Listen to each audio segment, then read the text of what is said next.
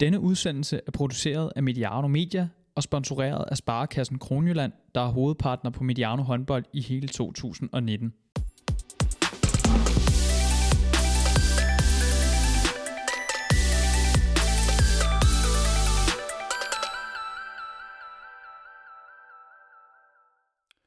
Nogle synes, trofæet er grimt, andre synes, det er kunst. Uanset hvad er der vist ingen tvivl om, at de tilbageværende otte hold af mændenes Champions League turnering, de alle tørster efter at stille øh, trofæet på kaminhylden, når turneringen er færdigspillet. Først så skal de dog forbi de her kvartfinaler, og dem kigger vi lige lidt på i dag. Mit navn er Emil Halkier, tak fordi du lytter med, og velkommen til. Det røde lyn er kørt vest på i dag, uden GPS eller mobiltelefon. Den fik jeg jo som sagt stjålet i Barcelona til dem, der har hørt udsendelsen med Kasper Morgensen. For jeg tænkte, hvis vi skal klædes ordentligt på til, til kvartfinalerne, så var der ingen vej udenom, end at køre forbi det vestjyske og dig, Rasmus Bøjsen. Tak fordi du havde tid til at være med. Ja, det var så lidt. Håndboldspiller i Ribe Esbjerg. Derudover vaske ægte håndboldnørd, uden, det kan jeg vist godt sige, uden at for, fornærme dig, kan jeg ikke det? Jo, det har jeg hørt før i hvert fald. Så. det hørte du sikkert også her på hjemmeadressen, kunne jeg forestille mig. Ja, lidt. Og tillykke med en lille ny ja, tak for det. 100 kamps jubilæum. Og også med fremtiden. Du skifter jo til, til 11 rum til den kommende sæson. Der er gang i den herude vestpå, hva'? Ja, der sker lidt øh, i mit liv her øh, de øh, seneste par uger, så øh, det glæder jeg mig egentlig bare til at, at fortsætte med. Øh, I forhold til barnet, så, så går det jo så nemt, så det havde jeg også regnet med, men øh, alt det andet, det er sådan selvfølgelig lidt mere spændende i forhold til at skal til et nyt land og alle de ting her, så øh, nu har vi selvfølgelig lige et nedrykningsspil, vi lige øh, skal afslutte ordentligt. Øh, det startede vi jo rigtig fint med at, at slå Lemvi, så, men øh, udover det, så synes jeg da også, det er dejligt at få trænet lidt mere på en anden måde. Også, øh, det har selvfølgelig været en lang sæson, og så i forhold til det med noget mere styrketræning og sådan nogle ting, så man kan være klar til en ny sæson også, så det, det synes jeg egentlig er rigtig fint. Og det er nemt at have børn, har du lige sagt? Ja, det er nemt at have børn. Øh, det, øh, det troede jeg, inden det har jeg fået at vide af min far altid, øh, og det har vist sig at være rigtigt, så det er dejligt. Han har åbenbart haft nogle nemme børn. Det er det. Øhm, jeg skal lige høre Elverum. Mm-hmm. Hvorfor? Om det er da egentlig det er lidt en lang øh, snak i forhold til det, men jeg har egentlig altid lidt haft en drøm om at, at prøve en anden liga, prøve en anden kultur, prøve et andet land øh, af, øh, og jeg snakkede egentlig lidt med dem øh, i sidste sæson også, hvor jeg havde en klausul i min kontrakt, øh, der gjorde det muligt at, at skifte til udlandet, men øh, det blev ikke rigtig til noget, og da de så kom på banen her øh, i den her sæson, så, øh, så var det egentlig rimelig nemt ligesom at, at stille de andre tilbud, som jeg havde på, øh, altså sådan lidt øh, væk. Øh, og så i forhold til det, så gik det egentlig rimelig hurtigt. Øh, fik snakket med dem, og jeg har hørt rigtig mange øh, gode ting omkring klubben. Øh, og da min kæreste også var rigtig klar på ligesom at prøve at, at komme til et nyt land, så var det egentlig nemt at, at vælge det. Så, og så er der jo selvfølgelig også et håb om, jeg ved, at de skal spille Europa, eller Europa Cup næste sæson, og jeg håber så på, at øh, de kan vinde den norske øh, liga, så, så det forhåbentlig kan blive James League. Det kunne være rigtig sjovt at prøve det også. Så kan det være, at vi skal sidde om et års tid og, og kigge på nogle kvartfinaler, du selv skal spille. ja, det vil, det vil være rigtig fint. Øh, hvilken rolle er du egentlig tiltænkt der? Ja, men altså, det er jo altid svært det her med roller og ting. Altså, man skal jo spille sig til tingene. Sådan er det jo. Øh, men øh, jeg har selvfølgelig snakket med både deres træner og sportschef i forhold til, hvad for en, øh, ja, hvad for en indgang de har til mig, og hvad, hvad de tænker. Og det er jo noget forsvarschef, kan man sige. Øh, det er jo ligesom der, min største, eller min spidskompetencer er. Og det var egentlig også lidt af det, jeg synes var rigtig spændende, at de ligesom også har en, idé om, at jeg skal dække noget træer, som jeg, jeg har gjort tidligere, men som jeg så ikke har gjort ret meget i, i Rib Esbjerg, fordi vi har haft nogle rigtig dygtige på den position. Så øh, det er noget forsvar, og så selvfølgelig noget aflastning offensivt. Jeg ved godt, at jeg ikke skal spille 2 gange 30 i begge ender. Det, øh, det kan jeg sagtens overleve, at øh, det kan jeg heller ikke holde til faktisk, så det, så det er så nemt med det, men øh, selvfølgelig også hjælp, øh, hvor jeg kan. Tror du, at uh, Sebastian Henneberg fra Aarhus håndbold, han er glad for, at du skal med op, så han bare kan sidde og dankdere den ude på bænken, når I dækker op? ah, men han skal også lære det, ikke? Jeg skal nok lære ham det. Ej, ej spurgte til side, uh, ja, det ved jeg sgu ikke. Uh, det, jeg synes i hvert fald, det er fint, der er lidt andre danskere, som man forhåbentlig kan snakke med, hvis man ikke kan forstå det norske. Ja, I er jo efterhånden en gruppering deroppe. Både, så kommer Henneberg, og så er der Ørsted også deroppe. Mm. Uh, Sigvaldi ved vi jo ikke endnu, om han er der til næste sæson, men han snakker også, han snakker også dansk, ved jeg i hvert fald. uh, Rasmus, vi skal kigge på de her, de her kvartfinaler i mændenes Champions League, Champions League turnering, det var svært at sige. Der starter allerede på onsdag, hvor I jo, øh, som du lige har fortalt, skal spille kamp samtidig med. Og det er du selvfølgelig rigtig, rigtig tilfreds med. Ja. Øh, men kvartfinalerne, de er som følger. Flensborg møder Vestprem. Narn, de skal møde Barcelona. Vardar møder Pixeget. Og Kielse møder Paris Saint-Germain eller PSG håndbold. Øhm, inden vi dykker ned sådan i de, de enkelte matchups, Rasmus, så kan jeg godt tænke, dig, tænke mig at høre dig lidt til. Synes du, at der har, har der sådan nogle artige overraskelser ind i forhold til de her kvartfinaler? Øh, det synes jeg faktisk ikke for alvor. Altså man kan sige, øh, man var jo, man havde lidt et spørgsmålstegn i forhold til Vardar inden sæsonen. Øh, de har skiftet rigtig meget ud og mistet nogle øh, kvalitetsspillere på nogle vigtige poster. Øh, men man må bare sige, at den måde, de ligesom har fået sat tingene sammen på, og ny træner i Parondo, som, har, som jeg synes har, har gjort det rigtig godt og fået sat tingene rigtig godt sammen, det har gjort, at, at de faktisk har været en af de, de hold, der har gjort det allerbedst, synes jeg. Øh, så inden sæsonen, hvis du har spurgt mig, øh, om Vardar ville gå i en kvartfinal, så har jeg måske været sådan lidt, jo, det kunne de godt, men, men det vil blive svært for dem. Øh, men det har været rigtig sikkert i, i forhold til dem. Øh, så ellers, derudover, så synes jeg ikke for alvor, der har været nogle helt store overraskelser. Altså, vi havde jo selvfølgelig øh, de forsvarende mestre i, i Montpellier, som ikke kom med. Det var måske lidt overraskende, i hvert fald, at de slet ikke gik videre fra deres gruppe. Men jeg synes, det er, det er jo nogle af dem, som vi kender øh, fra, fra tidligere af. Så, så på den måde er det egentlig, øh, ja, det er dem, som, det er nogle af de bedste hold i verden, som selvfølgelig er med i, i kvartfinalen. Så vi kan godt tillade os at sige, the usual suspects et eller andet sted. Det, det er ikke de store overraskelser, der Nej, det er det ikke også. Jeg mener, at der er kun hvad hedder det, to nye i forhold til sidste sæson, øh, hvor Skjern jo var med øh, så, og Montpellier. Så udover det, så er det dem, som, som tidligere har været med. Ja. Du hæver selv lige uh, Skjern og Montpellier frem her. Er der nogen, som, som ikke er blandt de, som blandt de otte sidste her, som, som man kategoriserer som decideret skuffelser i sådan en Champions League-sæson? Ja, men altså, som jeg sagde før, altså Montpellier, det synes jeg i hvert fald er en kæmpe skuffelse. De har jo mistet uh, Fabregas, som har vist sig at være et kæmpe, kæmpe tab for dem. Det vidste man selvfølgelig godt, det ville blive, men, men de har ikke haft nogen, der kunne tage over. Øh, men øh, at, de, at de ikke formår at komme videre øh, fra, fra, den, øh, fra den gruppe der, det synes jeg, det er, det er lidt overraskende, overraskende, og det er også en kæmpe skuffelse, og det er også noget, de selv har, har været udtalt, at det, det er selvfølgelig ikke godt nok for et hold, som, som lige har vundet Champions League, og det er jo også første gang siden øh, første sæson af Champions League, læste jeg, at, at det er sket, at øh, en øh, Champions League-vinder simpelthen ikke går videre fra, fra gruppen efterfølgende. Du hæver skærn ind i, i ligningen her, der er også Bjergenbro Silkeborg, hvis vi sådan kigger lidt på de danske præstationer, øh, tommelfinger opad, eller tommelfinger nedad, eller sådan lidt mere øh, ja.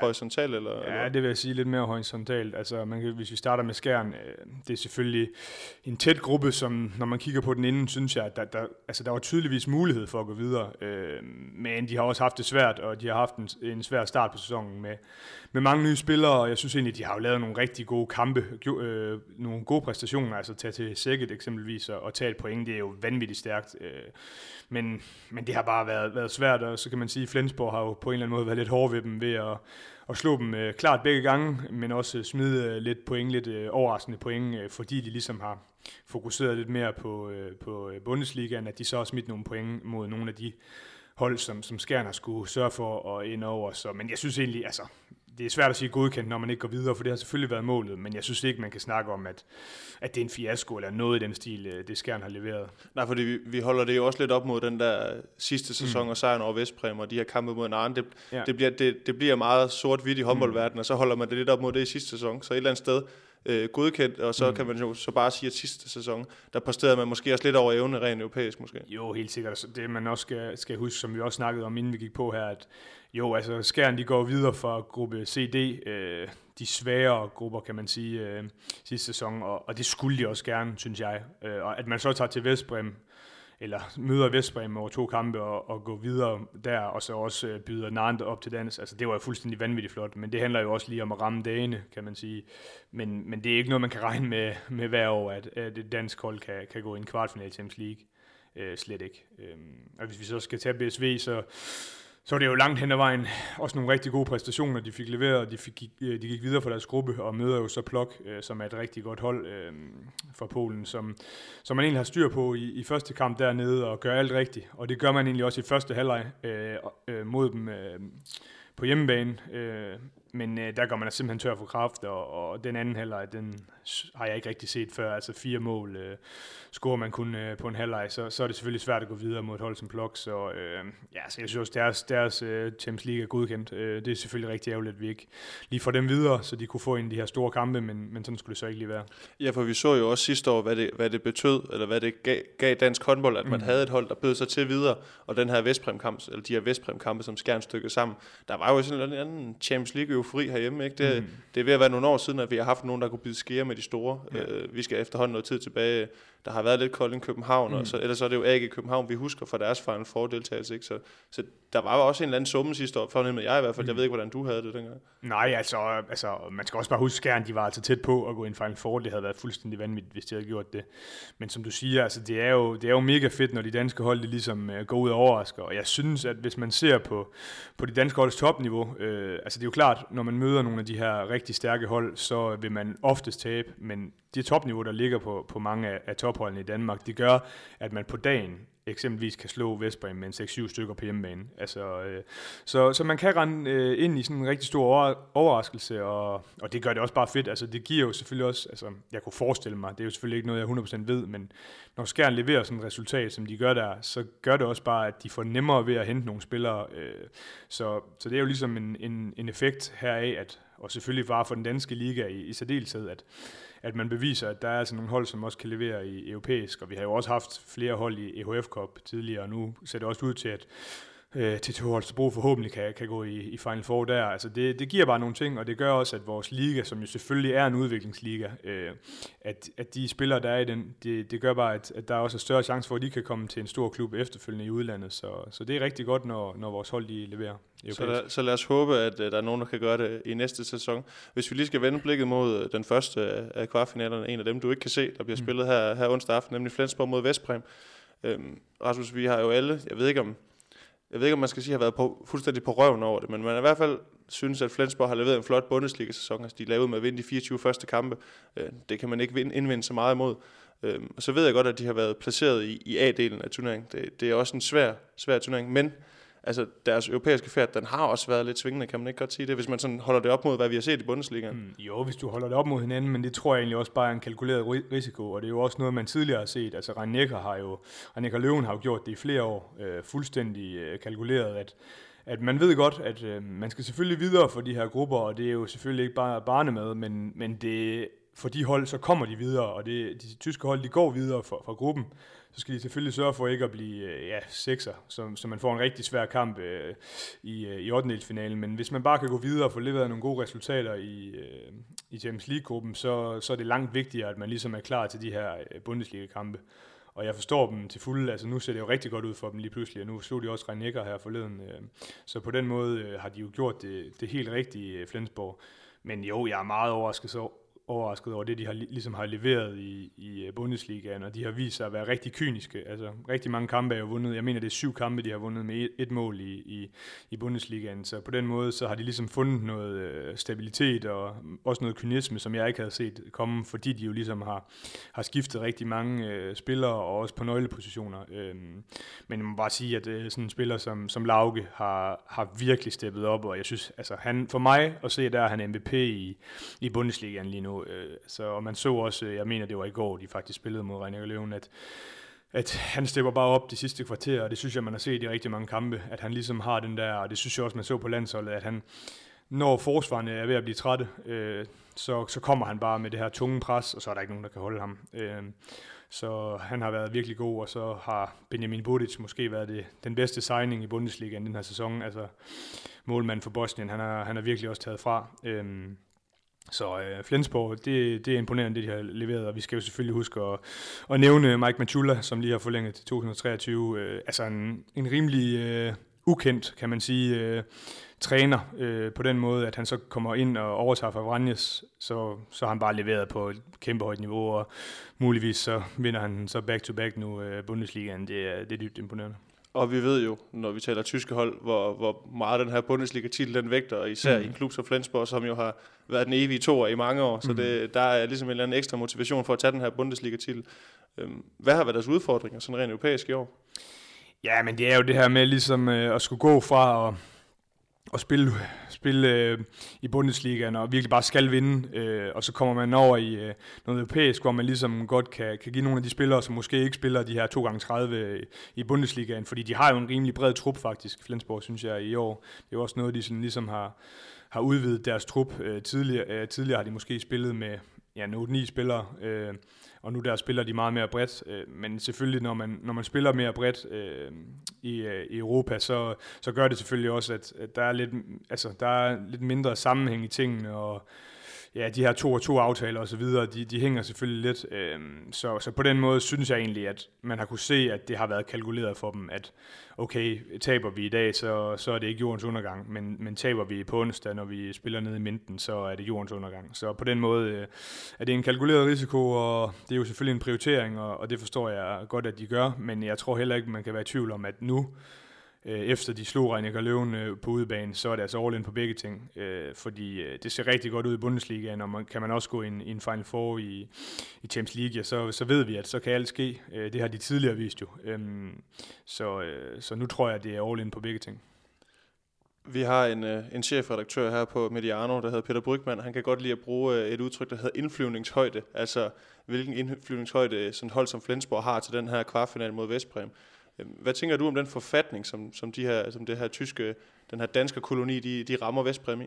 Ja, men den kan man ikke, på, på mange måder kan den ikke være ret meget bedre. Altså, skadesfri øh, har fået rigtig mange spillere i spil, og har ligesom fået, fået overlevet den her øh, slutrunde, sådan uden de helt store skader. Der har selvfølgelig været nogle små skavanker efterfølgende, som de så også var lidt trætte af, men, men som de ser ud lige nu, så kan det næsten ikke være bedre. Øh, så øh, ja, det bliver, det bliver en tæt kamp mod Vestbrem, det tror jeg helt sikkert.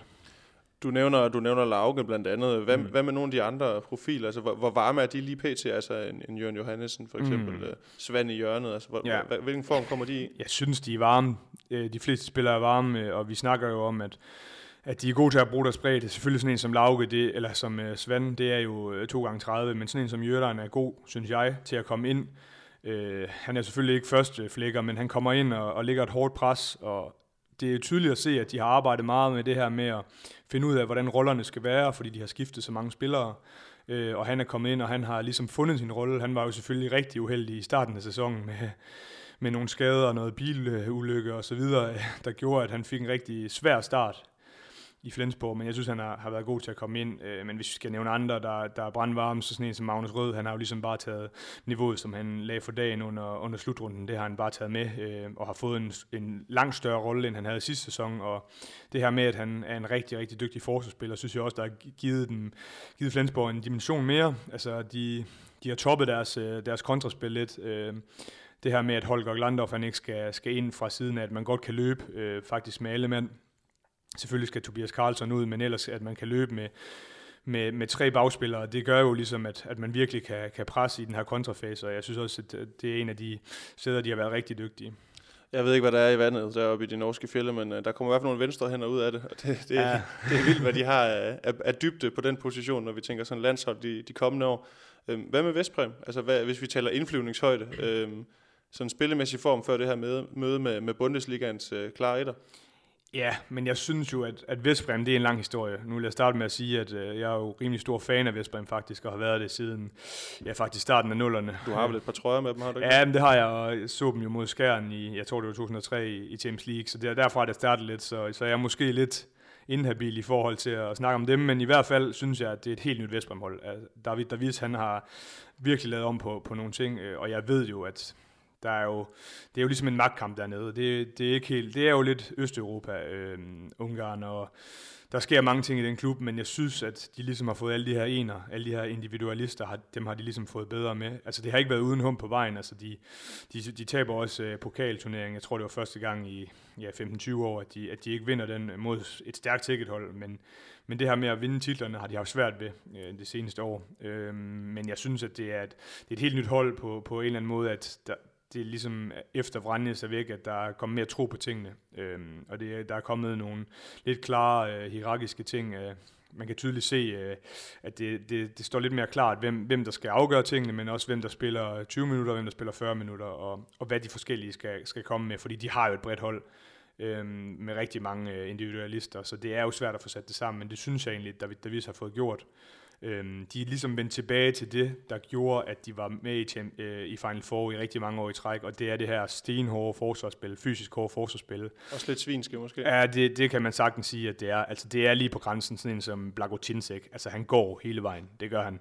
Øh, og det er jo altså, fysisk med, med Terzic også. Altså, de, de har så stærke folk øh, defensivt, at, at hvis de får lov til at lægge den linje, og det gør de jo oftest på hjemmebane, så, så er det det er, det er næsten skræmmende, altså hvor meget fy, fysik de kommer med. Og, og deres hjemmebane, den er jo bare sindssygt stærk. Altså jeg var jo så heldig at smutte i en bil og køre ned sidste sæson, hvor Skjern mødte dem øh, og prøve at opleve det her. Og det er jo, altså det er det i hvert fald det tætteste, jeg har, jeg har kommet på at opleve sådan nærmest, at håndbold det er religion for dem dernede. Altså det er det, er det der betyder noget i Vestbrem. Altså alt andet er reelt set lige meget, så, og den hjemmebane, den er bare så stærk, at at når vi er i de her knockout-kampe, så er det altså oftest, at, at Vestbrem de øh, trækker det længste strå. Så øh, jeg synes, det ser bedre ud, øh, og jeg synes, at, at de, har, de har ligesom fået flere spillere i gang, sådan en som Momi Elit, som man egentlig troede var færdig. Han øh, har ligesom fået en, en lidt mindre rolle, men når han så er på banen og spiller, så, så er det med så er det med lidt mere power, og ja, jeg synes faktisk, at sådan en spiller som ham har været rigtig dygtig. De har jo også, øh, når man ser på deres Champions League-kampagne, hvis vi skal kalde det, de har jo kun smidt pointer til Christian Stade, hvis jeg ikke husker helt forkert, mm. så, så er de, de er også et rimelig solid ud. har de. Altså, mm. Og det, som du siger, det virker vel også til, at brækkerne kan jo godt blive kastet lidt op i luften, efter der kommer sådan en trænerskift, og den her, jeg ved ikke, om man skal kalde den lidt skandinaviske trænerstil, som Varanjes måske har, den, passer måske ikke så godt ind i den her sådan lidt... Øh, lidt mere hårde øh, håndbold-tankegang, eller hvad? Nej, men jeg tror, altså det er jo svært med Branjes, og han har jo haft et virkelig hårdt job, fordi... Ingen der, tvivl om det. det har ikke været nemt for ham. Nej, det har det altså ikke, og de var jo ved at overfalde ham, da jeg var dernede, og så videre, fansene og sådan nogle ting. Altså det, det har været vildt, øh, men man kan sige, jeg tror måske, han har ville lave for mange ting om for hurtigt, altså på for kort tid. Øh, det, er jo, det er jo en helt ny spillestil, øh, han, han ligesom kom med, og man kan sige, at de spillere, som han egentlig ville hente ind, de, de kommer jo først nu her. Sådan en som Lauke eksempelvis, som jo er en signing af ham, og, og Kantang Mahe, som, som også var, var hans idé, kan man sige, at, at de spillere, dem havde han bare ikke. Han havde bare ikke de spillere, han skulle bruge til sin spillestil. Øhm, jeg synes jo, at, at nu, nu der David Davis ligesom gået lidt tilbage, som jeg sagde før også, til de ting, der virker, altså til de ting, der altid har virket i Vestbrem. Og øh, så tror jeg også, det er nemmere at få en, en spiller, spillertruppen med rigtig mange individualister, det er svært at sige, få dem til at hænge sammen. Øhm, og det har set bedre ud, øh, meget bedre meget mere stabilt, som du også siger, at det er jo ligesom det, man, man altid har kendt Vestbrem for, synes jeg er stabilt. Altså deres forsvar har nærmest aldrig sådan tabt tingene fuldstændig på, på gulvet. Altså det har ligesom været deres base, som de altid har kunne, kunne gå tilbage til, og når man så også får sådan en målmand ind som Sterbik, øh, så man ligesom har en, en duo, som for, sådan for alvor kan tage fra, så, så gør det bare, at jeg tror også, at, at der har været mere ro på, på bagsmækken, at, at de har vidst, at det her forsvar, det skal nok holde. Ja, på nær den, øh, den svipser i sidste sæson mod Skjern, så kan man jo også sige, at det er overordnet set er et hold, der over de sidste 5-6 år har været vant til at spille, til, uh, spille Final Four. Altså mm. det, det her, det her, der har de været hver gang. Øhm, hvordan, hvordan ser der chancer mod Flensborg? Fordi, som du siger, Flensborg har måske haft den lidt sådan kyniske tilgang til Champions League, at vi mm. skulle nok komme videre, og nu gælder det så. Altså, hvordan, hvordan ser det ud? Fordi, altså, var, eller hvad hedder det, Vestprem har jo heller ikke derhjemme cruiset igennem. De ligger to, og, mm. to i ligaen, ikke? Altså, ja. hvordan, hvordan står de til hinanden lige nu, synes du? Jamen, jeg synes jo, det er tæt, og jeg kan også huske, at de altid har været tæt, og det er selvfølgelig det nemmeste at sige, at det, at det bliver tæt, men, men de her kampe, ind, øh, hvad hedder det, head-to-head, øh, som de også har haft i, i sidste sæson, altså, det er tætte kampe. Øh, så jeg tror egentlig også, altså, det er to hold, som ligesom det bliver den her defensiv, der bliver afgørende, og det er igen lidt klichéagtigt, når vi snakker håndbold, fordi det er det jo oftest, men, men øh, begge, begge hold er så stærkt defensivt, at, at det kan blive det, der bliver afgørende, og jeg tror, at, jeg tror ikke, vi ser, at, at det bliver sådan to hjemmebaner, som bare cruiser hinanden ud, altså at Flensborg vinder med en 5-6 stykker på hjemmebane, og, og Vestbrem kan gøre det samme. Nej, jeg tror faktisk, at det kan blive to helt lige kampe, begge kampene. Øhm, fordi jeg synes, de står relativt godt øh, mod hinanden, og der er jo selvfølgelig også nogle, nogle tidligere holdkammerater, som kender hinanden. Øh, jeg tror sådan en som Kantang Maher kan blive rigtig vigtig for, for Vestbrems offensiv, ligesom for at få åbnet op øh, med det her fart. Øh, fordi ellers kan det hurtigt blive, øh, Vestbrem kan meget hurtigt blive store kryds og så skud.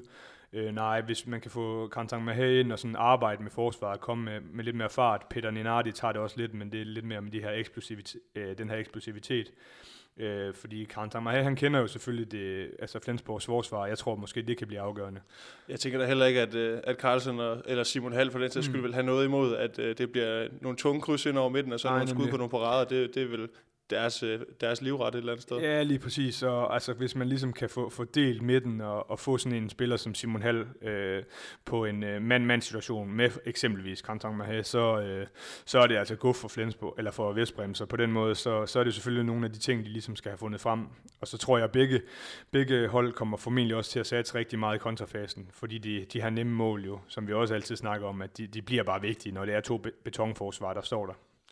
Hvem tror du, uh, Mike Machula, hvor ligger han, hvilken kur ligger han sin i? Fordi som du siger, altså defensivt, det, det er rimelig forudsigeligt, ikke? Altså det mm. kommer til at være to stærke defensive, men der skal alligevel også være nogen med noget x-faktor, som du siger, Kenza Mahe, der kan, der kan skabe nogle rum til de andre. Altså, hvor tror du, uh, at Mike Machula, han kigger hen af på sit holdkort og tænker, det er ham her, der skal skabe de her rum for os, som kan være svære at finde mod et hold som Vestbrem? Mm.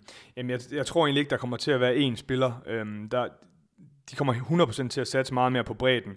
Men altså, jeg kunne godt se sådan en som, øh, som Jørgen Johansen få en, rigtig, eller en større rolle, end han måske er vant til, også fordi han har noget af det her fart og det her gennembrudsstyrke, som, som kan gøre lidt ondt nogle gange på, øh, på Vestbrem, og det er jo også noget, vi så øh, med skærmkampen, hvis vi tænker på den, sådan en som, som Konradsson, som kan måske komme ind og, og få nogle af de her rum, hvor man kan angribe, fordi sådan en som Blagotinsik eksempelvis, det er jo meget med armene, han, han ligesom øh, dækker, og han er ikke ret hurtig. Uh, han kan rigtig godt lide det, hvis, hvis der står mange folk omkring ham, men kan man få bredt ham lidt uh, væk fra tingene, så, så kan det altså gøre, at, uh, at man ligesom uh, får lidt mere rum, og, og så kan man jo sådan ligesom skifte lidt mere angreb med sådan en som Jørgen Johansen, der, der er med fart, og en med, som Lauke, som er sindssygt tung og sindssygt dygtig i det her fysiske spil. Så de, jeg synes, de har mange sådan brækker at, at bruge, uh, fordi de har jo selvfølgelig også Gottfriedson, som, som er lidt mere den kloge spiller, og som kan få sat de andre i scene. Så uh, jeg tror, bredt bredden øh, for Flensborg bliver mere afgørende, end den måske gør for, for Vestbrem.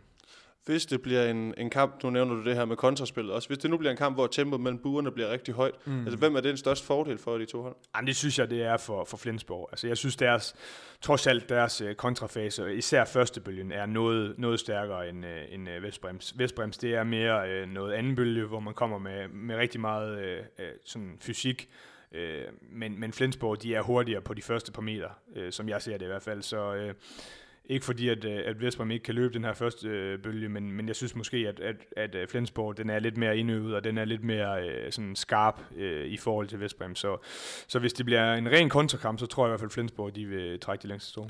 Der er ingen tvivl om, at øh, vi kan altid kigge ind mellem stolperne og sige, at det bliver afgørende, hvem der rammer den der. Ikke? Ja. Øh, men hvor skal man ellers kigge hen? Er der andre sådan, nøgleområder i den her kamp? Øh, som vi ikke har været omkring, tænker du? Nej, altså jeg synes jo selvfølgelig, at altså, vi snakker jo altid om det her forsvar, og hvis, hvis man kan få styr på det, jeg tror, det bliver rigtig vigtigt for en af, en af nøglerne for Flensborg, som jeg ser det offensivt, det bliver at spille ud af banen. Øhm, selvfølgelig er det altid farligt at, at gå for fløjene, når sådan en som Stærvik står der, som fylder sindssygt meget, men, men kommer de ind i midten, så er de simpelthen for stærke, fysisk stærke øhm, Vestbrem. Så man skal sørge for ikke at forfalde til de her... Øh, til de her sådan, dumme skud indad i banen, i stedet for at få spillet ud af. Og der kan man jo også nævne øh, en Holger Glandorf, som vi slet ikke har nævnt endnu, at, at det er jo noget af det, han er allerskarpest til. Øh, ligesom øh, at komme godt ud i, i banen og få brugt den der slangekrop, som man har. Den er sådan lidt svær at... Han har ja. altså ikke nogen voldsom fysik, når man Nej, nej, altså han er jo meget sådan øh, slangeagtig. Øh, det, han er sådan lidt, øh, jamen, hvordan skal man sige, at han er jo ikke en stor, øh, stærk spiller, men han har jo det her brud ud af, hvor han er svær at få fat i, øhm, og han har jo virkelig givet en, en masse bolde også til Svend, så, så han kan også blive afgørende på, på den her fart og, og den her, det her spil ud af banen. Det tror jeg også bliver Jeg tror virkelig, det bliver vigtigt for Flensborg for, for spillet bredt. Ja, så også de her typer, som, som de måske har, der lige kan tage temperaturen på kampen. Ikke? Altså lige, jo.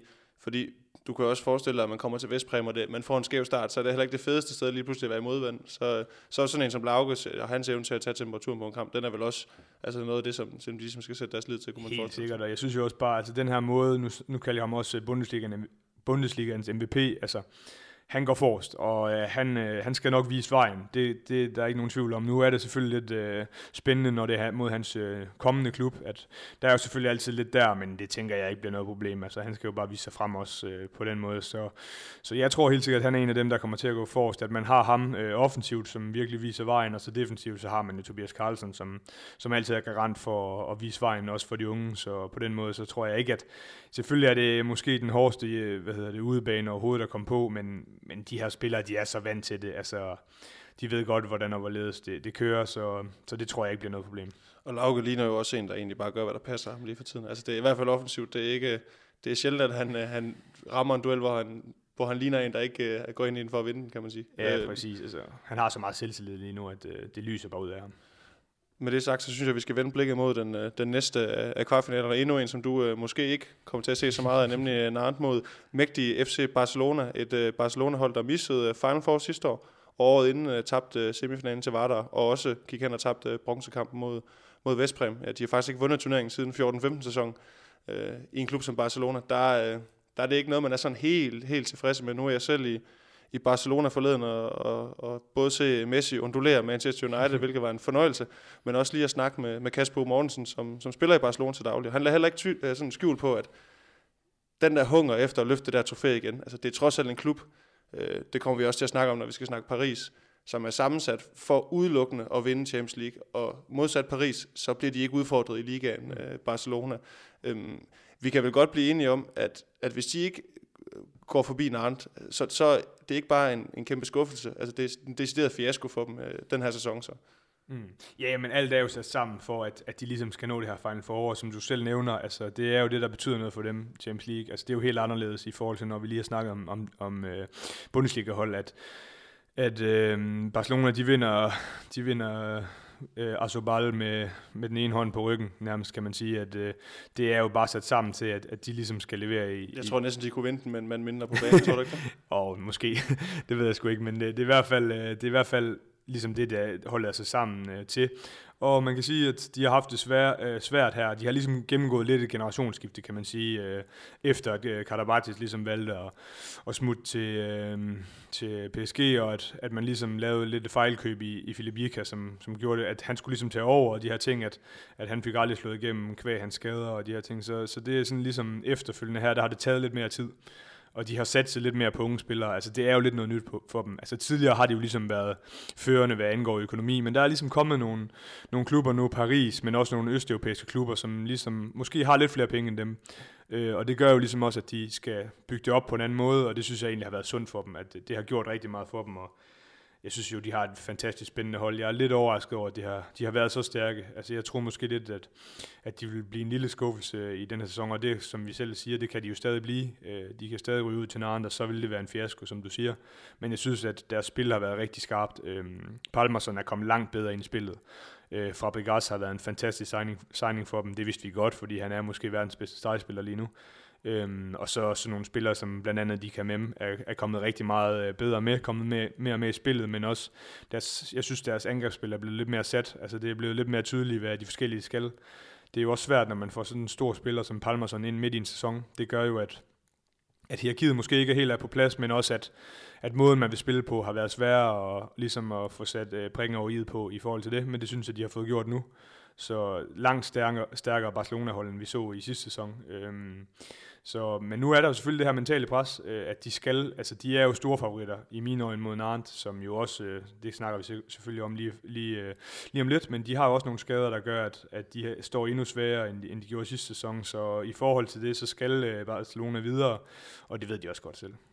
Ja, fordi de har kvad den her førsteplads i puljespillet ligesom også siddet over i en 16. Mm. finale, øhm, og de bliver jo måske ikke ligesom Paris, øh, matchet øh, på samme måde i den hjemlige liga. Altså, er det udelukkende en fordel, at man står over der? Altså, det er jo ikke fordi belastning er et problem i Barcelona, kan man sige. Er det, er det udelukkende en fordel?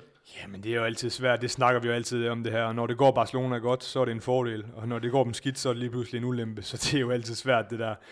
Øhm, jeg, tror, jeg tror gerne, de vil have, at vi kommer lidt tilbage til, at den spanske liga bliver lidt stærkere, så de trods alt har lidt mere modstand, men det, det er der lange udsigter til. Altså økonomien er stadig ikke særlig god dernede, øh, selvom selvfølgelig, at der er nogle hold, som, som præsterer også europæisk øh, nogle gange, at, at de også får lavet nogle fine resultater, så er der bare milevidt for dem, altså over en hel sæson. Øh, så kan man godt møde dem på dagen, og så måske... Øh, have det lidt svært, men, men omvendt, altså de, de er så stærke, at de bliver ikke for alvor øh, øh, ligesom, de får ikke nok modstand i, i ligaen, så jeg tror egentlig hellere, at de vil have, at, at de fik lidt mere modstand og ligesom kunne komme lidt stærkere, eller få lidt mere øh, konkurrence i forhold til det, at, at de så kan gå lidt stærkere ind i, i de her kampe.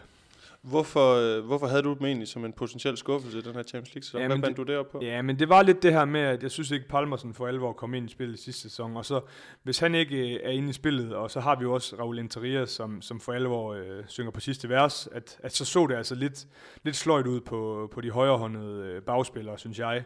Så synes jeg også, at, at sådan en som Duarte har, har overrasket mig ret, rigtig meget, at, at han har gjort det så godt. Øhm, Lasse Andersen har jo selvfølgelig ikke for alvor haft muligheden for at komme ind endnu, sådan og nu går der jo også, også lige pludselig rygter om, at, at Bodosan fra, fra Vardar skal der ned, så, så på den måde er det svært, øh, måske for Lasse Andersen at se en fremtid der, men, men øh, jeg synes bare, at, at det kunne godt se lidt svært ud øh, for de her højrehåndede bagspillere, at, at det så måske bliver svært for dem at, at præstere. Så det var egentlig derfor, at jeg, at jeg synes, at, at det godt kunne komme til at se svært ud, men det har de jo for alvor øh, bevist, at det ikke er noget problem i hvert fald. Og du, du lægger det jo også lidt op til, at de er, de er favoritter mod Narnt i den ja. her kvartfinal. Hvad, hvad, hvad hænger du det op på? Hvorfor synes du, det er så udtalt, at de, de skal gå videre til den her Final Four weekend? Jamen, Narnt har haft en svær sæson. Altså, det er jo lidt ligesom Montpellier. Selvfølgelig formodet Narnt at gå videre, men med den her anden sæson, hvor man for alvor øh, i sidste sæson overraskede alt og alle i, øh, i Champions League, og så nu, nu lige pludselig står man der igen, når man har haft nogle problemer også i den, i den franske liga, og så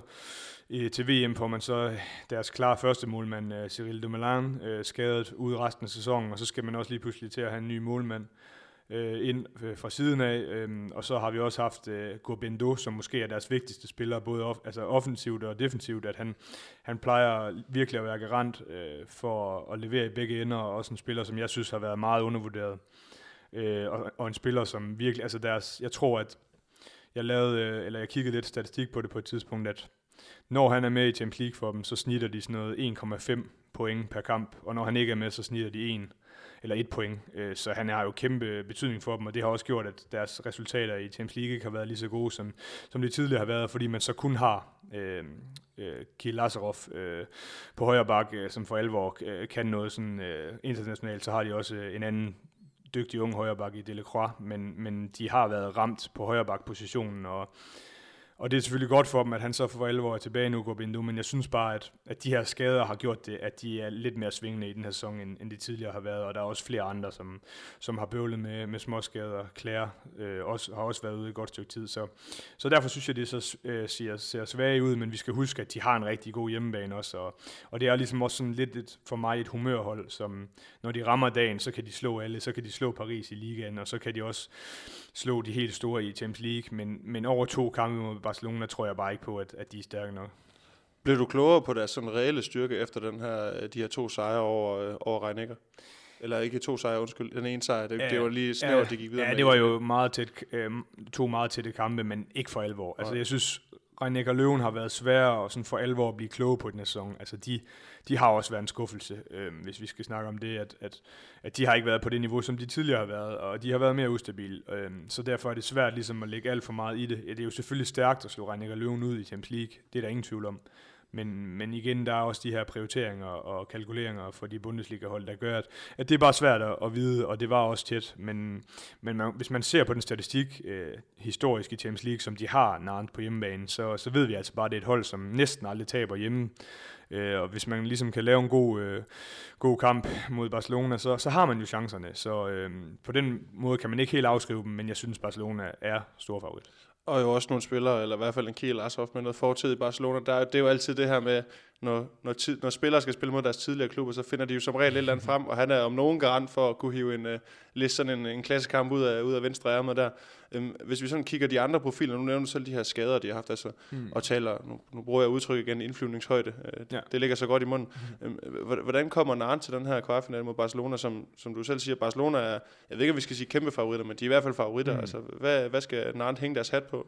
Ja, men de har jo igen også øh, nogle individualister, som, som er rigtig dygtige. Jeg synes jo, Lagarde, Roman Lagarde for alvor viste i de her kampe, øh, Champions League øh, knockout-kampe mod Reinecker Løven, at han ligesom har den her x-faktor. Han er jo stadig meget ung, men, men han kan nogle ting, som, som der ikke er ret mange andre, der kan, og, og han skal i hvert fald ramme noget. Øh, så har de jo selvfølgelig også øh, Newcastle, som, som også på den her venstre bakke også har noget x-faktor. Og, og hvis de ligesom øh, begge to kan, kan ramme noget niveau, øh, og, og Nicolas Claire kan, ligesom kan få sat dem ordentligt i scene, så, så tror jeg, det er noget, øh, som ligesom kan, kan give problemer for, for Barcelonas defensiv. Men, men omvendt, så er det jo også meget med det her stregspil øh, med den store Tornar ind på stregen, som, som også gjorde det rigtig svært for mange holdene øh, i sidste sæson i, i Champions League, og det skal de jo selvfølgelig prøve at se, om de ikke kan finde tilbage til. Men der har jo været også øh, noget uro altså i, øh, i Nantes, hvor øh, deres træner øh, Anti ligesom også har fået at vide, at han ikke skal fortsætte, og der er mange, rigtig mange af spillerne, som også har fået nye adresser øh, næste sæson og næste sæson igen, som skal væk. Tornar skal væk, Claire skal væk. Altså, så der er ligesom et spørgsmålstegn på mange af de her spillere, der gør, at, at det bliver lidt mere usikkert, hvor de står, og der har, altså, også medierne dernede øh, har skrevet lidt om, om noget uro i, i truppen efter, at det blev meldt ud, at øh, Antti ikke fortsætter. Så, så hvad skal de hænge deres hat på? Jo, de skal finde noget af det her fysisk stærke stregspil frem, øh, som der gør, at de er sværest ikke offensivt. Og så defensivt, synes jeg, at når de, når de er allerbedst, så er det, når de er rigtig aggressive. Altså en Gurbindo, som, som går op og, og er aggressiv i sit forsvarsspil, øh, som jeg synes er en nydelse at se på. Øh, så og så har de jo nogle rigtig dygtige fløje, spanske fløje i øh, Rivera og, og hvad hedder han, øh, Balaguer, så, så dem skal de selvfølgelig også se, om de kan få brugt. Så vi skal huske, det er et rigtig godt hold, øh, men altså sammensat øh, af alle de her skader og også den uro, der har været, så, så gør det, at jeg har lidt svært ved at se, hvordan de ligesom skal overvinde Barcelona i to kampe. Så måske lidt et et Barcelona-hold, der har fundet sig selv, og den anden hold, der er sådan lidt på skælvende grund. Det, det er sådan de, de to scenarier, der ligesom banker sammen af den her kvartfinale, hvis man sådan skulle koge en fong ind. Ja, det synes jeg. Altså, det er ligesom overskrifterne, at øh, Barcelona har, har fundet deres niveau, og Nantes, de har ikke rigtig fundet sig selv endnu. Så synes jeg, vi skal vende blikket mod øh, kvartfinale nummer tre, og vi vist nået til nu, hvis jeg har talt rigtigt. øhm, nemlig opgøret mellem, mellem Vardar og Pixeket, de, øh, de makedonske mester mod Ungarns PT nummer 1. Mm. Øh, nu har vi lige snakket Vestbrem tidligere. Øhm, Vardar, de, Vardar har været med til, til Final Four de sidste to sæsoner, og de vandt for to år siden. Mm. Øhm, er, det, er det et makedonsk storhold, der ligesom er gearet til at tage endnu en weekend i Køln, eller, eller hvad forventer du der af dem? Ja, men som jeg også lidt startede med at sige til dig, at så, at, så er det jo et hold, som har overrasket mig, øh, fordi de ligesom har mistet rigtig mange af deres øh, bedste spillere den her sæson, eller op til den her sæson, og de ligesom også har, har skiftet træner, at man så måske troede, at, at de var lidt på vej ned, men jeg synes, de har lavet nogle rigtig, dy- eller rigtig gode signinger. Øh, Star Skube, som passer perfekt til deres angrebsspil med det her hurtige spil, øh, som de praktiserer, hvor man ligesom kan, han kan skabe noget rum til, til deres øh, rigtig dygtige backs i Kristopans og, og, og Bodosan, øh, som virkelig bare kan klasse den ind bagfra. Og så har de jo selvfølgelig også Kadasic, som, som ligesom også har spillet rigtig godt, gjort det også rigtig godt til slutrunden, synes jeg. Øhm, og så øh, Milo Sal- Saljev, som de ligesom øh, skrev med for at erstatte Sterbik, det er jo ligesom en stor arv, men der har han altså bare vist, at han har måske været den bedste øh, målmand i, i Champions League overhovedet. Øh, den her rolige Balkanstil, hvor han fylder rigtig meget. Han er ikke den mest veltrænede, men han er bare rolig og, og dygtig på de, på de ting, så og så ved vi jo, at, at de har bare en stærk defensiv. Øh, det har jo ligesom også været det, de, de har har været garante for de sidste mange sæsoner. Øhm, så det er et rigtig godt hold, som, som jeg ikke for alvor troede skulle være op på det niveau, som de ligesom har fundet frem, men, men de, og så har de jo bare en stærk hjemmebane, og som jeg også startede med at sige, en, en dygtig, undervurderet måske, øh, spansk træner i Parondo. Øh, de her spanske trænere, de kan bare et eller andet, og det har øh, jo også i, i Pastor, og jeg synes jo, at de to, de ligesom, altså, det er tydeligt, at der er en idé med tingene. Ja, de endte jo tre af deres pulje et point foran øh, eller øh, hvad hedder det, for en kældelse et point efter Vestpræm, og mm. de cruiser jo sådan rimelig sikkert forbi Zagreb i den her 16. dels finale. Øh, har også vundet over Vestpræm undervejs, vundet over Reiniger og Løven på, på udebane også. Mm. Øh, hvad synes du egentlig har kendetegnet deres øh, sådan Champions League-sæson? Ja, men stabilitet, selvom at, at man ikke regnede med, at de skulle have den her stabilitet, så, så har de været stabile. Altså, de har jo en, ligesom Vestbrem har de en fantastisk hjemmebane med, med stor øh, opbakning og og den her øh, jerndefensiv, som de ved, at de får rigtig meget øh, lov til at gå til den, og så synes jeg også, den her varierende øh, ting, de kan øh, i deres defensiv, hvor de blandt andet kan smide øh, Dibirov op foran i, i en 5 meter, øh, det gør ligesom, at de har flere, øh, flere ting i, i posen defensivt, der gør, at, at de har været rigtig dygtige, og så har det jo været overraskende. De har jo haft rigtig mange skader faktisk. Bodosan har været rigtig lang tid ude med, med sit knæ, og, og nu blev Gissinger så også øh, skadet øh, til CR League Final Four. Så, så på den måde har det egentlig været imponerende, at det er ligesom om, at når der kommer en skade, så er der bare en ny en, der, der tager over. Og, og Gårdborg er også på vej tilbage nu, så, så de har egentlig de har et, et bredt hold, selvom at at de ikke har lige så gode midler, øhm, som, som de måske tidligere har haft, øhm, så, så synes jeg egentlig, de har gjort det rigtig godt. Men så synes jeg også, at det er værd at snakke lidt om i forhold til Varder, at der jo kom den her øh, udmelding fra, fra deres øh, ejer, øh, Sergej Samsonenko, som jo er deres russiske ejer, som har bygget det op fra, fra nul af og har smidt ufattelig mange øh, penge, han ligesom har meldt ud. Og det er så ikke første gang, han gør det, men, men den her gang skulle det jo så være god nok, at han har meldt ud, at han ikke vil blive ved med at smide flere penge i til næste sæson. Og der er rigtig mange af spillerne, som også skifter klub til næste sæson. Øhm, en Kardasic, som skal til Kielse, og så videre. Nu går der også rygter om, Bodosan skal væk, og, og øh, Christopan, som skal til Paris. Måske fra næste sæson, måske fra, fra året efter. Så det kan godt også have, have noget, øh, altså det kan jo godt spille ind på, på en trup, at, at der kommer det her uro i altså økonomien. Øh, så det er lidt spændende at se, hvordan de reagerer på det generelt sådan en, øh, en østeuropæisk ting, at øh, der ja. godt kan være lidt uryg. Ligesom du nævner nogle, nogle profiler her, dem er der jo også i den anden lejr hos, hos Pixel, altså en Banhidi, en Bombard, gode gamle Canelias også, ikke? Mm. Altså, hvordan øh, sådan kvalitetsmæssigt på profilerne, der, der kan, der kan Pixel vel godt være med, kan det ikke det? Sagtens. Altså jeg synes jo, øh, nu har vi måske undervurderet øh, Pixel et par sæsoner, men når man vinder det ungarske mesterskab, nu har man lige slået øh, Vestbrem også i... Øh, i en, øh, i en pokalturnering, og man har tidligere været med i Final Four i EUF Cup og også har vundet øh, EUF Cupen, og man har ligesom efterhånden bevist, at der er jo selvfølgelig også en kæmpe økonomi i Pick det skal vi heller ikke øh, glemme at nævne. Øh. Men Pastor, han er måske i mine øjne verdens bedste træner, og den, altså ligesom, det tog noget tid for ham at, at få de her ting på plads. Øh, jeg har faktisk hørt, at han mener selv, at den forsvarsformation, han ligesom praktiserer, det tager gerne et år at lære den 100%, fordi der er så mange ting i det. Det er kogt ned til, til mindste detalje. Men det har de bare nu. Altså, de har nogle spillere, og han, han formår også bare at tage nogle af de spillere hjem, som altså en Bombards, som jo øh, var vanvittig øh, i, sin før, eller i sine sæsoner i Pick røg så til Kjelse, og nu har man så taget ham hjem igen, og det er bare sådan her igen. Altså, han, han er der bare med det samme igen i Pastors system. Så øh, mange rigtig, rigtig dygtige spillere, øh, som passer ind i Pastors system. Altså en Marqueda, som man også lidt troede var ved at være færdig øh, i Vardar, men så kommer han så til Sikkert, og nu spiller han også fantastisk. Så man må bare sige, at Pastor han virkelig har formået at gøre mange af de her individualister til en enhed. Øh, det er dybt imponerende, og jeg ved ikke, om, om folk har set den, men der er også en rigtig sjov video øh, fra sidste sæson Champions League, øh, hvor han ligesom på hans øh, elendige spanglish får fortalt dem, at han har brug for alle sammen. Uh, I need you, I need you, I need you. Altså, han, han, han, er, altså, han er sådan en holdets mand, som har brug for alle, og ligesom får alle ind i holdet. Uh, så på den måde synes jeg, at det er jo også det, der har været deres uh, sådan overhånd i forhold til Vestbrem tidligere, at Vestbrem det er individualister, og uh, Sækket det er lidt mere en enhed. Kan det også blive, uh, hvis vi skal sige Sækkets overhånd mod, mod Vardar, det her, vi har det her hold med et meget stramt koncept, hvor folk kender deres pladser mm. og møder et Vardar-hold, som du siger. Der er noget uro og noget i forhold til næste sæson, mm. og hvad med dem, der ikke lige ved, hvor de skal hen? Altså, ja. kan, det, kan det også blive deres fordel, at de ved bare, hvor de er og hvad de skal, og ja. rollerne er fuldstændig uddelegeret, mm. og der er stor tiltro til træneren? Ja, altså jeg synes altid, det er en fordel, hvis man, hvis man har det. Altså det er jo noget af det, som jeg også selv værdsætter rigtig meget, at hierarkiet er på plads, folk ved, hvad de skal, folks roller er fuldstændig klare, og alle ved, hvad det er, de skal ligesom levere. På den måde, så, så kommer der ikke den her uro, og man stoler bare på konceptet, og, og det virker i hvert fald sådan. Altså, det er jo altid svært, når man ikke er 100% inde i, i et hold, så kan man ikke 100% vide det, men det virker som om, at alle har en plads øh, på holdet, og alle går ligesom ind og, og leverer. Altså et godt eksempel på det er jo sådan en som, som Canelias, som også rigtig mange også troede var færdig. Altså han har ligesom fået en rolle, der hedder, at han ligesom skal bidrage en, en 10-15 minutter per, per halvleg, og, og det gør han bare rigtig godt. Ja, der er jo, det, det ser du også, det du nævnte det her med spillere, der kommer, kommer, som har prøvet meget, men så mm. alligevel kommer ind et sted og, og formår at, at, jeg ved ikke, om man skal sige toppe igen, øh, men i hvert fald få, få noget mere ud af den her karriere. Så, øh, men det er jo også et hold, der har, altså hvis man sådan kigger undervejs, øh, nubbet andenpladsen foran Flensborg. Mm. Et Flensborg-hold, nu har vi talt lidt om dem, øhm, som, som måske ikke har sat sig så meget på Champions League, eller i hvert fald ikke det her gruppespil. Øhm, hvis man sådan kigger på de her to kampe, altså, hvad, hvad tænker du, sådan, nu snakker vi omkring nøgler øh, i forhold til, hvis vi sådan tager for pick second, altså, hvad er det, de, hvilke præmisser vil de gerne have afviklet de to kampe på?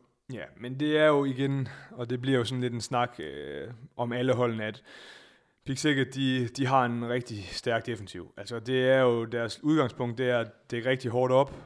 De satser ikke lige så meget øh, på kontra som rigtig mange andre hold. Det er lidt mere sådan tredjebølgeagtigt, hvor Bombard han selv bærer den op, når han kommer ind for bænken, eller hvis han kommer ud for fløjen af. Og så prøver de at skabe noget overtal. Øhm, men jeg synes, de spiller, øh, deres angrebsspil er langt øh, mere sådan varierende end mange andre hold. Altså de, de har så mange typer. Så spiller man lidt med Bombard øh, på playmakeren, så spiller man lidt med Shitnikov.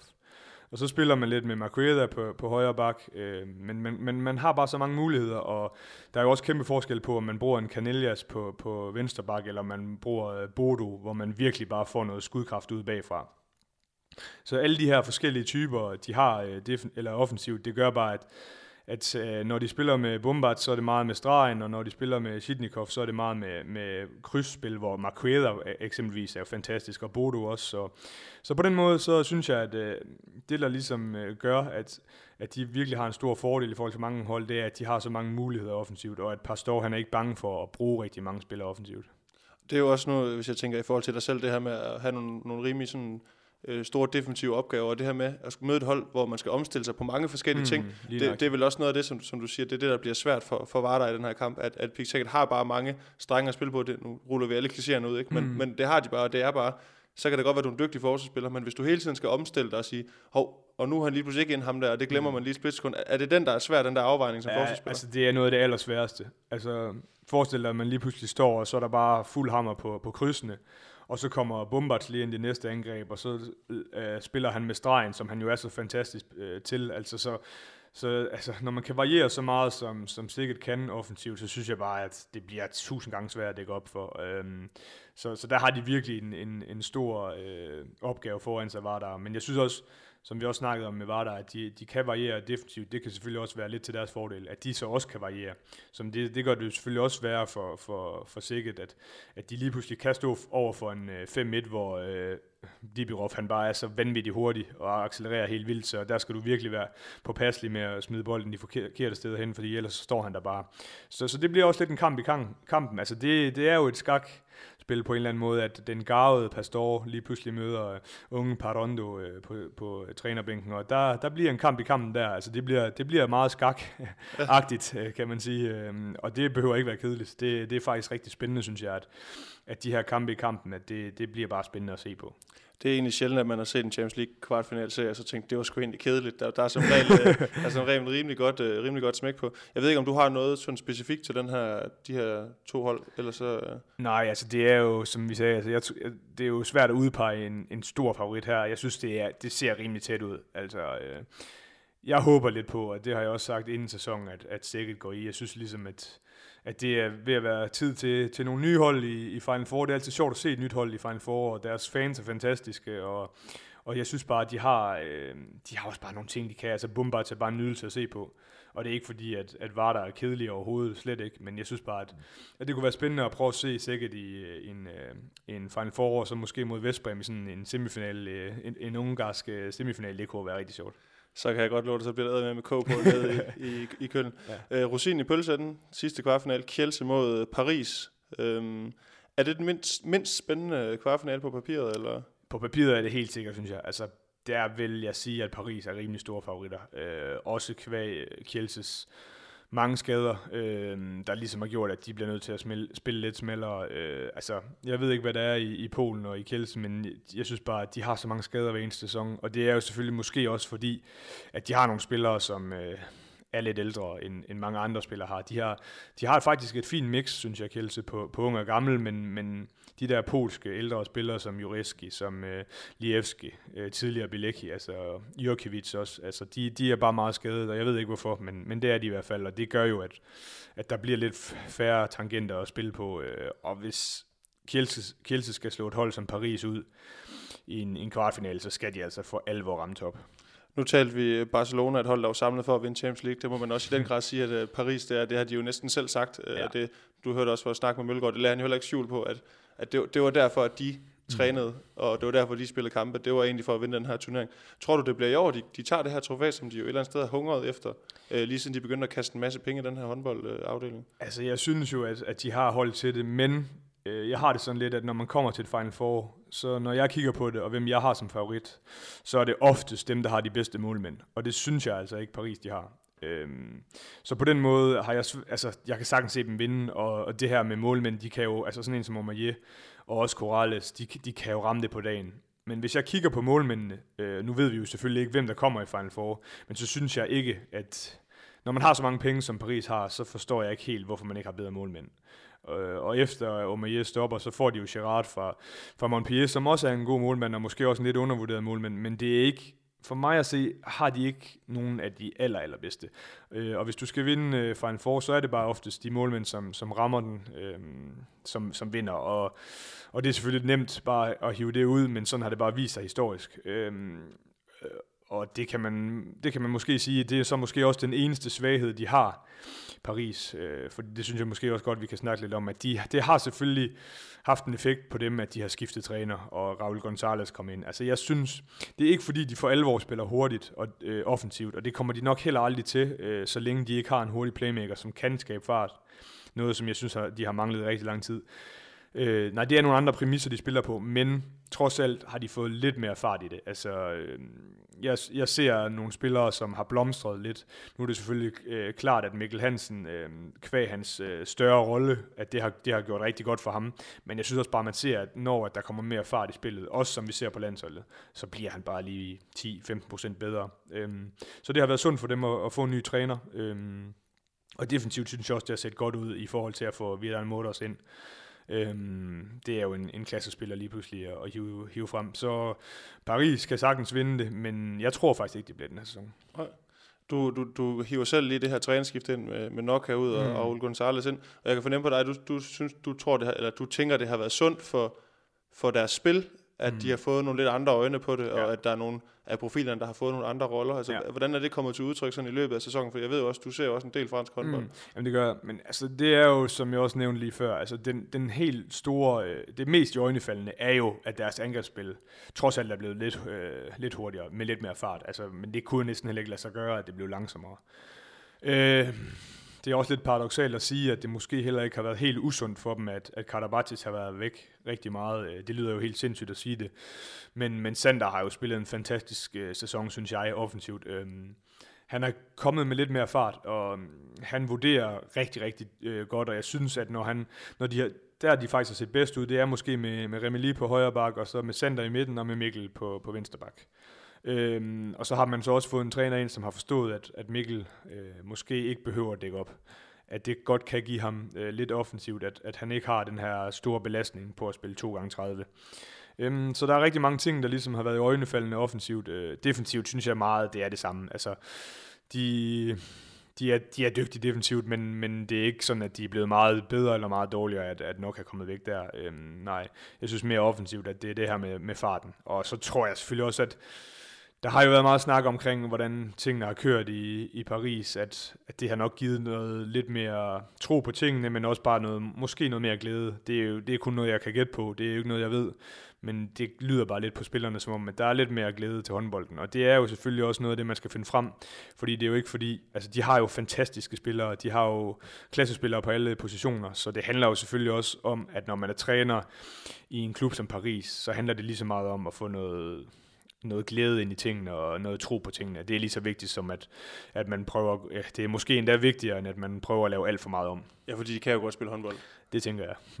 Øh, det, du siger selv, det lyder lidt vildt at sige, at de måske har spillet bedre uden Karabatic, og vi Mm. jo også, han er også ved at nå en alder, hvor vi også der har set ham i mange år, vi må også til at erkende, at, at vi har set toppen af Karabatic, mm. men han er vel stadigvæk, så, hvis vi sådan tager i forhold til en Final Four-stævne, så kan det godt være, at, at spillet måske flyder mere med, med Mikkel Hansen og, og Sander Sargussen, men når tingene skal afgøres, så er det vel ikke et helt dårligt kort at have på hånden, tænker jeg stadigvæk, at kunne smide ham ind, fordi hvis vi taler om en spiller, der ved, hvad det handler om mm. i sådan en Final Four weekend, så er det jo ham. At vi kan nærmest ikke finde nogen, der har, har prøvet mere i, på den front end ham, kan man sige. Nej, og man snakker jo også meget om det her clutch, altså med at være i crunch time, som man jo snakker meget om i basketball, ikke fordi vi skal snakke alt for meget om det, men, men det er bare vigtigt, at, at man ved, hvem det er, der skal afgøre tingene, øh, når det virkelig spidser til. Og det er jo for alvor vigtigt under en fi- et for- Final Four-stævne. Så når der er 30 sekunder tilbage i kampen, og man så ved, at man har bolden og, og kan afgøre tingene, så er det jo nok Karabatis, øh, der står midten, det tror jeg. Og det så vi jo også blandt andet i, i bronzekampen øh, Ja, det, til slutrunden, at, at han havde været, jeg ved ikke om han har været elendig, men han havde i hvert fald ikke været særlig god i, under slutrunden, Karabatis, men han går alligevel ind og afgør tingene. Og det skal man bare huske, at det, det er nu engang det, det handler om. Øhm, så det er selvfølgelig et stærkt kort at have på den måde. du har jo også den her øh, note på din telefon, hvor du har skrevet ned, hvad han har vundet af medaljer. ja. øh, det, er en, af- det må være en af de længere noter, du har på din telefon, fordi der, hold nu kæft, han har efterhånden fået skrevet noget til sig. Det er alligevel imponerende, at han kan blive ved med at være motiveret, men øh, som man kunne forstå på, på en som Ølgaard, at øh, det, er jo, det er jo det, det kræver at være en af verdens bedste. At kaste sig foran med hovedet, øh, med Ja. hovedet forrest i 20 år, det, så får man nogle knups, men øh, han har også fået nogle medaljer til gengæld, kan man sige. Ja, det er jo helt sindssygt. Og nu troede vi jo så, at det var første slutrunde, han ikke skulle deltage ved, siden han fik debut i, jeg tror det var 2003. Men så kom han alligevel med, øh, så han er jo bare, det er jo lidt umenneskeligt på en eller anden måde, det han, det han ligesom har, har præsteret. Øh, så det må man bare have, have dyb respekt for. Øh, Og Ja. så være glad for, at vi fået lov til at opleve det et eller andet sted også. helt sikkert. Vi snakkede Barcelona i forhold til det her med at sidde over, øh, og det er måske ikke, det, det er selvfølgelig svært at snakke om, det er en fordel, så, som. Mm. sagt, øh, går det godt, så har det været en fordel, går det ikke så godt, så har det ikke været en fordel. Men i forhold til Paris, et hold, som jo bliver presset mere i den hjemlige liga, og også er en af de klubber, hvor, nu taler vi det her, don't play the players, altså spillere, der Mm. taler om belastning. Ja. Øh, der er jo mange ansigter med Paris, eller folk med Paris logo mm. på brystet, der var med i den. Helt Øh, de har vel egentlig kunnet nyde meget godt af lige at få øh, to kampe mindre, tænker jeg. Oh, det tror jeg egentlig har været fint. Altså, man kan omvendt sige, at jeg tror jo nok, at med den, med den økonomi, de har, og de charter fly og så videre, altså, det er måske ikke det største problem, men, men selvfølgelig, nu kan man så også snakke om, at hvis de nu overhovedet ikke, ligesom Barcelona var, havde fået modstand, men det har de jo i, i hvert fald, de har jo lige slået Montpellier på hjemmebane, øh, så det tror jeg egentlig er en helt perfekt indgang til sådan en kamp, at, at man møder et trods alt øh, klassemandskab, som Montpellier er. Så øh, på den måde, så øh, ser det ud som om, øh, at de kan gå ind til de her kampe med, med hovedet højt, og helt sikkert er klar, øh, og ikke for overbelastet. Og har jo også været suveræn i Champions League, de har kun smidt et point til, til Pick Saget, hvis nok. Mm. Altså det, det er vel også lidt... Øh, det, det, hvis du sådan tænker sæsoner tilbage, og sådan skal sammenligne med den følelse, du havde sidste år mm. i forhold til Paris, er den, er den bedre i år i forhold til... Nu siger du, du tror ikke på dem alligevel, men, men trods alt, det er faktisk svært, synes jeg. Altså, man har jo altid den der idé om, at de kommer 100% i Final Four, og det tror jeg også 100% de gør i år. Altså, de er så skarpe også. Deres statistik øh, på hjemmebane i Champions League, altså det er jo helt vildt. Jeg tror, det er tre sæsoner, de ikke har tabt eller sådan noget i den stil. Øh, så på den måde, så, så tror jeg sagtens, eller så tror jeg 100% på, når sæsonen går i gang, at Paris, de når det her Final Four. Men, som jeg også sagde før, så, så er der bare nogle ting, der gør, og sådan var det sidste år, og sådan, var det, sådan er det også i år, at, at at den her målmandspost især gør, at jeg tror ikke på, at de, de vinder, men jeg ved ikke, jeg synes, de spiller bedre håndbold i hvert fald, end, end de har gjort øh, tidligere. Så, så det er det i hvert fald plus. Det var lidt sjovt, at Mølgaard sagde, at han var helt forelsket i den her måde, som nok han øh, prøvede at detaljstyre sit hold på, sådan en til en fra taktikbræt til håndboldbane. Mm. Øh, det var han lidt forelsket i. Jeg synes, det var imponerende. Ja. men det, det, du er ikke den store tilhænger af, kan Nej, men jeg ved ikke, hvad der er med det, men jeg synes jo ikke, at jeg synes jo også, det var det, han praktiserede nok her i, i Kiel-tiden, men jeg synes da trods alt ikke, de spillede så langsomt, som de gjorde nu, og det kan også godt være, det er de typer, de har, øh, fordi man ikke har den her fartskabende playmaker. Men altså, jeg er i hvert fald ikke fan af den måde, de spillede. Øh, altså, de blev meget fysisk betonet, meget en mod en, øh, meget... Øh, bullerhåndbold, vil jeg næsten kalde det. Altså sådan en bøvlehåndbold, hvor man ikke rigtig får flyttet noget, men man egentlig bare prøver at at bruge sin øh, fysiske overlegenhed til at vinde, og det kan man bare ikke altid, når man står for eksempelvis Vestbrem eller Pixeget, så er der altså bare nogen, der er lige så fysisk stærk som en selv, så på den måde synes jeg, det var sådan lidt, øh, ja, det var i hvert fald kedeligt at se på. Nu skal de jo også lige vinde de her to kvart, eller gå videre for de her kvartfinaler over, over Kjelse. Øhm, hvis man sådan skulle kigge lidt med, med Kjelse-flaget, altså hvad, mm. hvad fanden skal de hænge deres hat på, fordi som du siger, det bliver svært, det er, altså, det er verdens stjerner over hele linjen, og mm. dem, der kommer ind som 7., 8., 9., 10. mand. Det er også landsholdsspillere og verdensklassespillere. Ja, og det der er med Kjelse, det er jo et rimeligt ungt hold, især med de skader, de ligesom har lige nu, at det gør, at de har selvfølgelig nogle spillere, som på dagen kan gøre rigtig ondt på alle hold. Altså en Dushibayev, Alex Dushibayev, som, som er en fantastisk spiller offensivt. Øhm, så har de så fået Kulesh med igen, som måske også er, der er ikke så mange, der kender ham, men en hvide russisk øh, vensterbak, som, som virkelig er en bomber, øh, lidt en Bilecki-type. Øhm, men hvad skal de hænge der hat på? Jo, jeg synes sådan en som Filip Ivis, efter at øh, det kom frem, at han ikke fortsætter der, han har steppet op øh, på målmandsposten og har stået rigtig godt. Øhm, men jeg tror, at vi kommer til at se to kampe med rigtig mange mål, faktisk. Altså jeg tror, at Kjelse, de kommer til at blive nødt til at løbe på alt. Øh, grundet af, at de ikke øh, har alle mand med, at de bliver simpelthen nødt til at satse øh, i kontrafasen. Og så synes jeg, det kunne være lidt spændende at se, nu så jeg Slovenien, øh, deres øh, kvalkamp øh, til EM mod øh, Holland, hvor Blas Jans, øh, jo, som jo både spiller højre fløj og højre bak, han fik ligesom lov til at spille den her højre bak. Og jeg ved godt, når man har Dushabayev, så er det måske svært, men man kunne måske prøve at spille med begge øh, samtidig i, i bagkæden. Det tror jeg måske godt kunne overraske øh, Paris lidt, fordi de begge to har noget af det her fart, men også bare begge to er rigtig dygtige individuelt, at det kunne måske overraske dem lidt, men jeg synes, altså, der er ikke ret mange ting, der peger i retning af Kjelse. Øh, det, gør, det er der ikke. Er det ikke også lidt farligt at begynde at løbe med Paris, tænker jeg? Jo, og det, det er jo også det, der, det skal man også tænke rigtig godt over, inden man gør det, men jeg synes bare, at hvis de står 6 mod 6, øh, ja, både i forsvar og angreb, så bør Paris være bedre. Så det er måske deres eneste chance. Øhm, men jeg har rigtig svært ved at se, at Paris ikke skal gå videre over Ja, fordi det, den her 6 mod, de her 6 mod 6 situationer, ja. som jo, jo kommer, hvis man vælger ikke at løbe, mm. så, så, kom, så er det rimelig givet, at man ender i dem. Mm. dem. Dem får de svært med, altså det, det må vi bare kende. Ja, det synes jeg. Altså der, der, der synes jeg simpelthen bare, at Paris de er bedre. Øhm, også kvæg det her med, at at de ikke har muligheden for at skifte ret meget øh, Kjellese. Det gør jo så også, at når man er ude på 25. minut og 55. minut, så er der måske ikke helt det samme i tanken, som der var inden, og så, så bliver det rigtig svært. Så de her nemme mål, som vi altid snakker om i håndbold, dem skal Kjellese altså ud og prøve at finde nogle af, øh, ellers har de ikke en mulighed. Øh, og så, ja, Der som jeg sagde før, der er jo selvfølgelig nogle individualister på, på holdet, også en, en Sindrich, som jo er fantastisk, men som også har været rigtig meget skadet i den her sæson, der også måske kan gå ind og, og finde noget af det spil, vi ved, han kan frem. Øhm, så det her hurtige angrebsspil kan godt blive svært for Paris at, at dem op for, men over to kampe, ej, der tror jeg altså, det bliver for svært for dem, Kjelse. Skal du egentlig til Final Four i år? Ja, det skal jeg. Det skal jeg. Mig og min far øh, har jo lidt en tradition, at vi, øh, vi tager ned øh, og vi er jo så heldige, at vi er færdige til den tid. altså, der, der er ikke nogen kampe, der går i, går i vejen for det. Det bliver allerhøjst en, en DM-finale. Der har vi åbenbart... Øh, nogle, øh, nogle folk, som synes, at, at en DM-finale godt kan ligge øh, samme weekend som, øh, som en Final Four-stævne. Det har jeg jo lidt svært ved at forstå. Øh, men øh, det kan jo højst være sådan en, jeg misser i tv. Men øh, det må jeg så overleve, fordi jeg synes, hvis jeg skal sige noget, så er for mig, øh, højdepunktet på en håndboldsæson, det er nede i Køln. Altså det er til Final Four. Det er fantastisk arrangement, fantastisk by, øh, og så er det bare en fantastisk arena. Øh, så på den måde, så er det i hvert fald noget, jeg, hvis jeg har muligheden for det, så, så skal jeg derned, fordi det er, det er det fedeste. Hvem skal du ned og se så, tror du? Jamen jeg tror, det bliver, altså det bliver Paris, og så bliver det også Barcelona, og så bliver det, så bliver det Sikkert, og så tror jeg altså også, det bliver Vestbrem. Og så bliver jeg glad, hvis det bliver de fire så har du alligevel også det der Vestpremiere, der banker der. Den skulle alligevel lige uh, sniges med. Jamen, det er jo også det, er jo det hold, som jeg ligesom fra, fra starten af sæsonen sagde, at de vil vinde uh, Champions League, så det holder jeg selvfølgelig ved. Rasmus, jeg synes, vi skal lukke ned for nu. Det var fedt, at du endnu en gang, og i den her omgang med virkelig kort varsel, havde tid til at mødes med mig mellem uh, blæskift og... Ej, det, ah, det, så hårdt har det heller ikke været at sige, at du har, har fået en, en lille ny. Så. Nej, det, det er nemt at have børn. Det må jeg bare sige, det er en opfordring til alle. Er det en kommende håndboldspiller også? Det håber jeg, men jeg tror desværre, hun er, hun er højrehåndet. Det er lidt ærgerligt. Det, det, har, du, har du lavet en eller anden test? Er det ikke for tidligt at lave sådan en test? Ah, men hun er stærkere i den, det kan jeg bare mærke. Og, uh, det, er hver, det er hver fars værste mareridt.